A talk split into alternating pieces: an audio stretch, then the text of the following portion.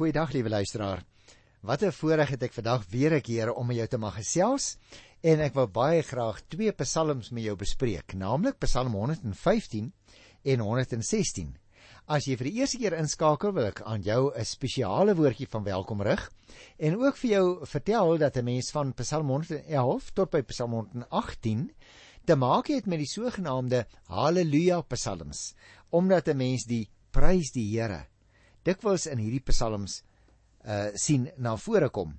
Nou baie interessant as ons nou met Psalm 115 begin, liewe luisteraar, dan uh, het ons ook weer 'n keer te make met 'n uh, psalm waarin die digter as dit ware God aan die een kant plaas en ek sê dit met respek omdat hy vergelyk word met hulle afgode. Met ander woorde, Die psalmdigter wil hê dat jy en ek baie baie duidelik moet raak sien dat daar eintlik nie eers 'n ooreenkoms is tussen God en die mense wat aan hom behoort en die heidene wat die Here nie dien nie en daardie soort mense nie. Dit gaan dus eintlik in 'n sekere sin wil ek vir jou sê oor 'n spotvraag. So kom ek vertel jou eers waaroor handel Psalm 115. Die spotvraag van die goddelose en die heidene word hier in Psalm 115 volledig beantwoord deurdat die volk die Here in sy almag besing en die nietigheid en die onvermoë van die afgode word aan die kaak gestel. Jy sien wat die Bybel betref, is die afgode eintlik glad nie ter sake nie.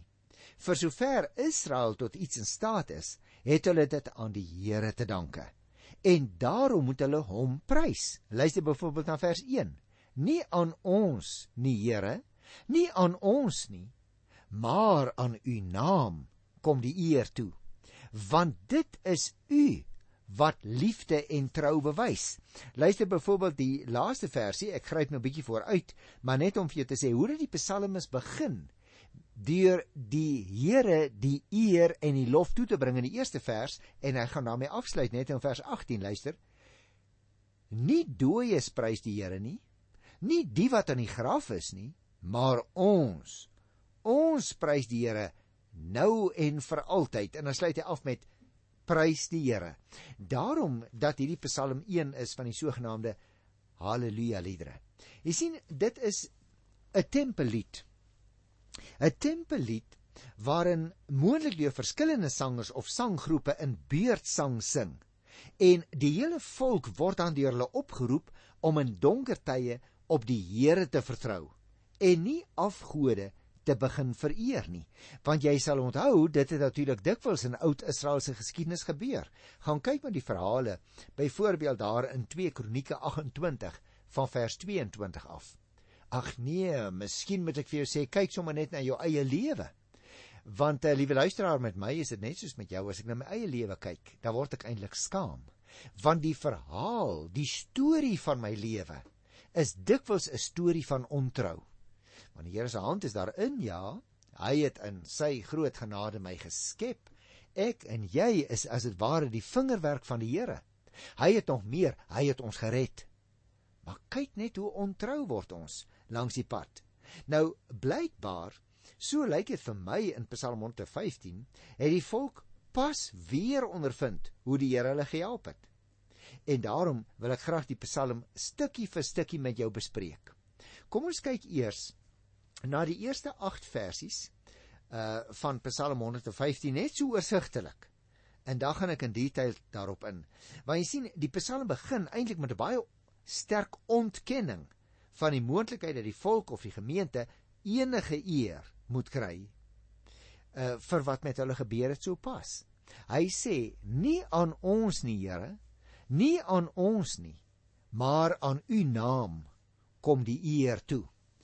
Dit wil sê, as ek dit in een sinnetjie mag saamvat, die Here moet die eer kry in jou en in my lewe.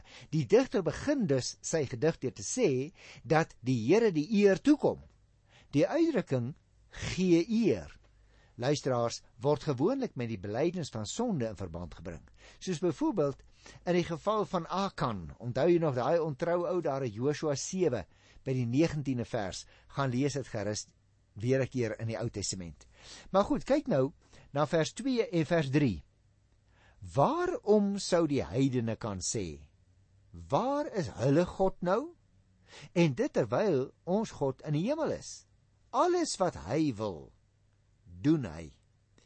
Nou mag ek vir jou vra, dink jy, liewe luisteraar, as mense wat die Here nou nie ken nie en nie dien nie, vir jou en vir my sien stap in die straat, luister na die manier waarop ons praat, kyk na die manier waarop ons optree teenoor medemense, dat hulle dalk ook hierdie vraag sou wou vra van die digter in vers 2. Waar is hulle God nou? Jy sien, ek dink hy's besig om vir jou vir my te sê daar ontstaan soms by ander mense vrae rondom God wanneer hulle na sy volgelinge kyk want ons optrede is dikwels nie die van gelowiges nie. Die vraag waarom hier in vers 2 en 3 verraai juis 'n toestand van nood en vrees. Dit hang saam met die spotvraag van die heidense buurvolke wat van politieke en godsdienstige druk getuig op die gelowiges. Die psalmis is hier namens 'n sondige maar ook terselfdertyd 'n berouvolle gemeente aan die woord. Hy stel dit voorop dat sy gebed om redding nie op die gemeente se verdienste staat maak nie. Maar hulle redding daarvoor kan hulle alleen staat maak op die naam en die eer van die Here wat hom juis vanweë sy verbond as 'n liefdevolle en 'n betroubare God aan hulle bekend gemaak het. Die leed vermakerige vraag van die heiden verdien dus 'n antwoord soos ons by die digter vind. Ons verbondsgod is in staat van waar hy alles doen en wat hy wil doen. Met ander woorde, die eer kom aan die Here toe. Ons het nie enigste verdienste. Ons het nie enige geld om te kan betaal vir ons verlossing nie. Dis alles iets en verskillende dinge wat die Here aan ons gedoen het. Daarom is vers 4 tot by vers 8 eintlik lyk dit vir my niks anders nie as 'n spotlied op die afgode. Kom ek lees vers 4 tot 8. Wat hulle het is afgode van silwer en goud, die werk van mensehande. 'n Mond het hulle, maar kan nie praat nie. Oë het hulle, maar sien kan hulle nie. Ore het hulle, maar hoor kan hulle nie. Die neus het hulle, maar ruik kan hulle nie. Hulle hande, daarmee kan hulle nie voel nie. Hulle voete, daarmee kan hulle nie loop nie. Daar kom geen geluid uit hulle keel nie. Wie hulle maak en op hulle vertrou, sal net soos hulle word. Daarom het ek by die begin net nou vir jou gesê, luisteraar, daar kan eintlik volgens die digter en as ek dit nou lees dan wil ek net met hom saamstem, ja, daar kan geen vergelyking wees tussen God en sy volgelinge aan die een kant en die heidene wat afgode dien aan die ander kant nie.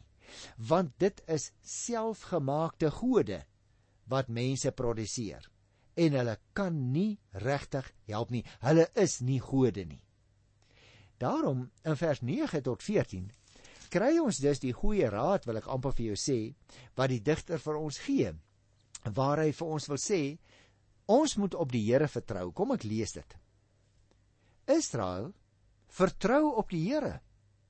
Hy help en beskerm jou, huis van Aaron, vertrou op die Here. Hy help en beskerm jou. Julle wat die Here dien, vertrou op die Here. Hy help en beskerm julle. Die Here dink aan ons. Hy seën. Hy seën uit die huis van Israel, hy seën die huis van Aaron, hy seën die wat hom dien, klein en groot. Mag die Here jou talryk maak julle en julle kinders. Dit is dus baie belangrik wat ons hier moet raak lees. Ons moet op die Here vertrou, liewe luisteraar. Dit is baie duidelik ook hier in vers 9 tot 14 dat ons 'n so bietjie 'n prentjie kry van wat besig is om te gebeur in die agtergrond van Psalm 115. Twee kore is besig om mekaar af te wissel in beurtsang. Hoekom? Hulle wil juis een boodskap duidelik oordra. Vertrou op die Here. Die eerste koor spoor drie groepe mense aan tot vertroue. Het jy opgemerk? Die huis van Israel, dit wil sê dit was die gewone bidders. Tweedens, die huis van Aaron, dit wil sê die wat die Here dien. En dan tweedens, die huis van Aaron en dan in die derde plek, diegene wat die Here vrees of soos dit hier vertaal is, die wat hom dien. Die tweede koor verskaf dus by herhaling die rede vir die vertroue. Al wat die tweede koor elke keer sing in antwoord is hy maak hulle talryk. Hy maak hulle talryk. So die twee kore is dus besig om te sing. Die een vertel vir ons die verhaal. Die ander een gee die rede hoekom 'n mens die Here moet loof. Hy maak ons talryk. Nou, kom ons lees nou vers 15 en 16. Gesels ons 'n bietjie daaroor. Mag die Here julle seën. Hy wat hemel en aarde gemaak het. Die hemel is net vir die Here, maar die aarde het hy aan die mense gegee. nou luisteraar, as daar een ding is wat hier in Psalm 115 vers 15 en 16 duidelik na vore kom, dan is dit dit. Daar is afstand tussen God en mense. Hy is nie ons speelmaatjie nie, hoor. Ons moenie die Here in die modder neertrek waar ons woon en bewerk nie. Hierdie verse herinner my baie duidelik aan die begin van Genesis 1. God het sy eie plek en sy eie posisie in die heelal, né? By die heidene is daar nie afstand tussen gode en mense nie. Die gode het in werklikheid hulle bestaan aan die mense te danke want die mense het die gode gemaak. Die Here is egter totaal anders. Hy het vir ons gemaak. Hy het 'n besondere band met die mense, 'n liefdevolle, betroubare verbondsverbintenis. Maar vers 16 sê vir my die Here handhaaf ook afstand. Kom ek lees dit weer. Die hemel is net vir die Here, maar die aarde het hy aan die mense gegee. In die antwoord dus deur die tempelkoor word een betekenis van die woord seën beklemtoon. Na die ballingskap was die volk maar min. So leer 'n mens uit vers 14. Die herhaling dus van die woordjie seën in vers 12 en 13 en ook in vers 15 dui juis op die feit dat dit 'n veel wyeer en dieper betekenis het as wat 'n mens regtig kan verstaan. Die hemel is vir die Here. Ons verstaan dit nie regtig nie liewe luisteraar, hy is te groot. Die aarde is vir die mense om dit te bewoon en te bewerk. En daarom die laaste verse van uh, Psalm 115 is weer eens lofprysing aan die Here. Luister 'n bietjie. Nie die dooies prys die Here nie. Nie die wat in die graf is nie, maar ons. Ons prys die Here. Nou en vir altyd prys die Here. Jy onthou nog ek het net net vir jou gesê toe die program begin het in vers 1 het die digter alreeds gesê nie ons nie maar die Here terwyl hy hier in die laaste opmerking van uh, Psalm 115 die lofprysing van die Here afhanklik maak van die mens die lewende mens. Hy sê naamlik nie die dooies nie maar ons. Ons prys die Here.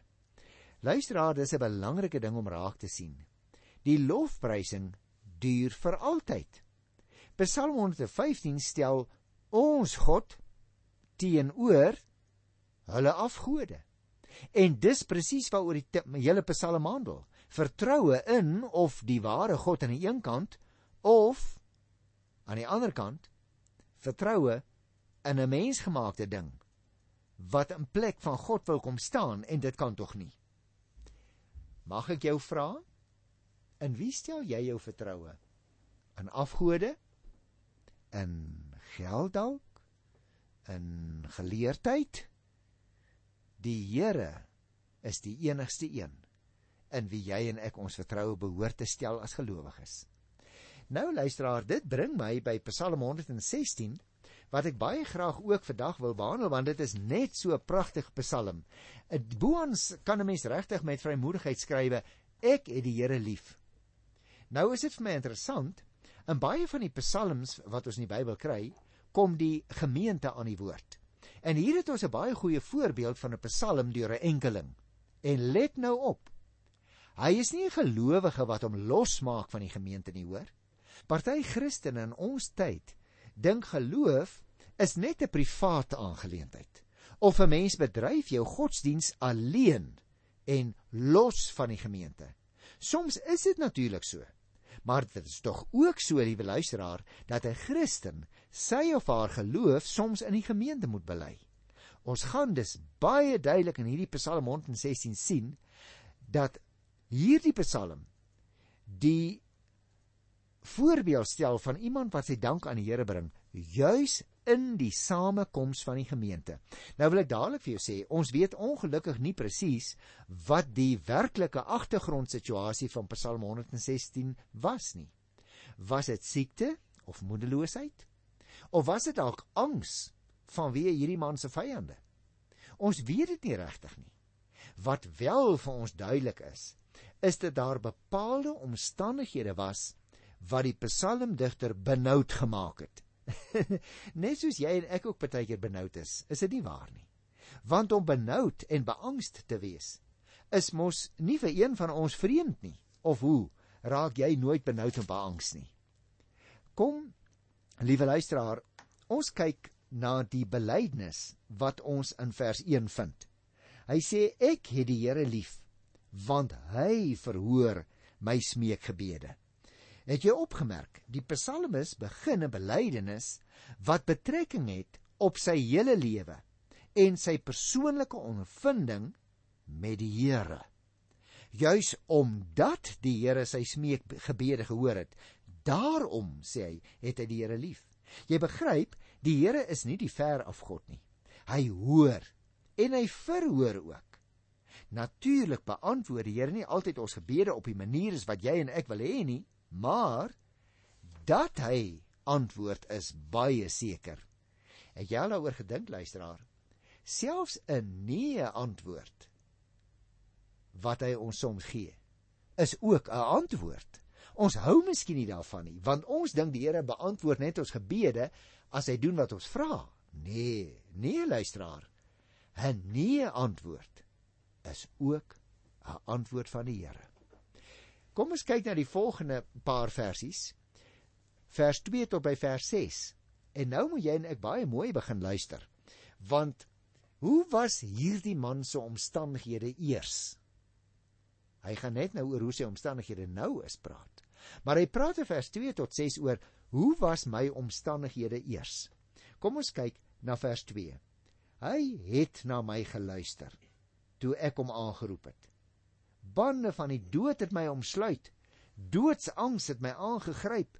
Ek het benoud en bekommerd geword. Toe het ek die naam van die Here aangeroep. Here, red my tog. Die Here is genadig en regverdig. Ons God ontferm hom oor ons. Die Here beskerm die hulpelose. Ek was magteloos, maar hy het my gered. Jy sien, ons leer hier wat hierdie man se omstandighede eers was. Hy was iemand wat tot die Here geroep het. Vers 3 vertel dat bande van die dood hom omsluit het. Doodangs het hom aangegryp. Hy was benoud en bekommerd sê hy. Klink dit vir jou bekend? Jy en ek is ons ook soms tot die dood toe benoud en bekommerd. Hoewel die Bybel op ander plekke sê ons hoef nie regtig bekommerd te wees nie. Maar weet jy, so sê vers 4, wanneer 'n mens so benoud is, mag jy maar roep. Here, red my tog. Ag natuurlik luisteraar, jy en ek het 'n direkte verbindingslyn met die Here deur die gebed. Selfs die onweer kan nie eens ons verbindingslyn met die Here uitslaan nie. En luister nou, ons mag tog maar tot die Here roep leer die 5de vers, want hy is genadig en regverdig. Ons God ontferm hom oor ons. Die 6de vers sê hy beskerm die hulpeloses. O, jy en ek moet onthou. Ook wanneer jy en ek soms hulpeloos, ja, selfs ontredderd voel, onthou, die Here wil ons beskerm. Meer nog, hy wil ons uitred, sê vers 6c, uit benoude omstandighede. Dis wat die Here met hierdie bidder ook gedoen het. Hy het hom gered. En nou sou mens verwag dat alles somme net een klaps alles reg is, dat alles met hom net goed gaan. Die Here het hom immers gered. maar moenie glo nie. Vers 7 tot vers 9 vertel vir ons wat sy omstandighede nou is. Nou nadat die Here hom gered het. Luister 'n bietjie. Ek moet nou tot rus kom. Die Here het goed aan my gedoen. Hy het my van die dood gered. U het 'n einde gemaak aan my trane. U het gesorg dat ek nie weer struikel nie. Ek kon voor die Here bly wandel in die land van die lewendes. Jy sien, die toestand waarin hy hom nou bevind, word vir ons opgeteken hier in vers 7 tot by vers 9. En let baie mooi op. Ten spyte van die feit dat die Here hom gered het, kom sy hart maar net nie tot bedaring en tot kalmte nie. Hy praat as dit ware met homself en hy sê ek moet nou tot rus kom. Dit gebeur mos maar met jou met my ook, nie waar nie luisteraar? Die Here doen goed aan ons in die verlede, maar ons hart bly dan nog steeds onrustig. Kyk wat het die Here nie alles aan hierdie ou gedoen nie. Vers 8a. Hy het hom van die dood gered. Vers 8b. Die Here het 'n einde gemaak aan sy trane. Vers 8c. Die Here het gesorg dat hy nie weer struikel nie. En vers 9. Hy kon selfs voor die Here bly wandel met ander woorde. Hierdie ou is nie dood nie, hy het gelewe. Kan jy dit glo? Ek verstom my elke keer oor die wonderlikheid van die Bybel. Dis asof die Here soms 'n foto van myself in die Bybel ingeplak het. Want hy is so goed vir my luisteraar, vir my wat hier agter die mikrofoon sit. Ek kan net so 'n lang rits dinge opnoem van die goedheid van die Here in my eie lewe. Nou en ek glo ook nog in die toekoms. Het jy dit al probeer doen? Paulus het byvoorbeeld ook daarvan geskrywe in 2 Korinte 4 vers 13 staan daar: Ons weet immers dat God wat die Here Jesus uit die dood opgewek het, ons ook saam met Jesus sal opwek en ons saam met julle voor sy troon sal stel. En luister wat skryf hy in 1 Tessalonisense 3 vers 9. Hoe kan ons na behore aan ons God die dank bring vir al die blydskap wat ons voor hom oor julle het? En dan as die digter van hierdie Psalm aan al die goedheid van die Here dink, dan sê hy daar was vir hom twee moontlike maniere van hulp. Nou ek wil daarby met jou stil staan want dit staan in vers 10 en 11, twee moontlikhede van hulp. Hy sê ek het in u bly glo. Selfs toe ek gedink het dit is klaar met my en toe ek in my vertwyfeling besef het ek kan op geen mens staat maak nie. Jy merk dus op hoe belangrik dit is liewe luisteraar, dat jy en ek ons staanplek in hierdie lewe sal ken. Want let op dat die Here vir hom sorg elke dag. Hy sê in vers 12 dat hy nie regtig weet hoe om na behore vir die Here dankie sê te sê vir die verlossing en vir al sy goedheid nie. Hoe sê mense nou regtig dankie? Maar nou as hy so 'n bietjie gedink het, dan weet hy dadelik van vyf dinge waarvoor hy kan dankie sê mag ek vir jou dit uitwys in vers 13a. Hy sal 'n dankoffer bring. Nou, dit was natuurlik 'n dankoffer waar tydens water en olie of wyn uitgegiet is. Paulus beskryf self sy hele lewe as 'n drankoffer in diens van die Here. Die tweede ding sê hy wat hy sal doen. Hy sal van sy redding getuig. 'n Mens moet natuurlik getuig van jou redding met jou mond, maar dit moet ook duidelik blyk uit jou lewe, luisteraar. Luister, die derde ding wat hierdie ou sal doen staan in vers 13c. Hy sê: Ek sal die naam van die Here aanroep. Onthou jy nog vroeër daar in vers 4 het hy die Here aangeroep toe hy gered moes word. Nou roep hy die naam van die Here aan om dankie te sê. Mag ek vir jou 'n persoonlike vraag vra? Roep jy net tot die Here wanneer jy benoud is, wanneer jy uitgered moet word of roep jy die Here gereeld aan om vir hom dankie te sê. En dan sê hy die vierde ding wat hy doen. Ek sal my geloftes betaal. Het jy miskien ook al eers op 'n dag in 'n eksamenlokaal gesit en dan bid jy en sê ag Here, help my tog net deur hierdie eksamen asseblief. En dan maak jy eintlik 'n belofte en sê as u my help, sal ek u regtig in oorgawe begin dien. Maar dan, nadat die Here jou gehelp het, vergeet jy skoon van dit wat jy beloof het om te doen. Hierdie man sê nee. Nee, dit wat ek beloof het, dit sal ek doen. En dit nogal, en dit bring my by die vyfde ding wat hy sê hy is bereid om te doen daar aan die einde van vers 14 in die teenwoordigheid van die Here se hele gemeente. Met ander woorde, hy's bereid om voor die gemeente op te staan as dit nodig is om te getuig oor wat die Here gedien het. Het jy opgemerk vers 15 en 16? Daar sê hy: Jy en ek is ook vir die Here belangrik. Vir die Here is die dood van sy troue dienaars geen geringe saak nie. Ek is u dienaar, Here. Van my geboorte af is ek u dienaar. Ek weet dus, liewe luisteraar, jy en ek is saam met die psalmdigter vir die Here belangrik. En dan sluit hy Psalm 116 af met 'n nuwe verklaring. Ek wil u loof met 'n dankoffer. Ek wil die naam van die Here aanroep. My geloftes aan die Here sal ek betaal in die teenwoordigheid van sy hele volk in die voorhoewe van die huis van die Here binne in jou Jerusalem. Prys die Here. Halleluja. Ek groet jou in sy wonderlike naam tot volgende keer. Totsiens.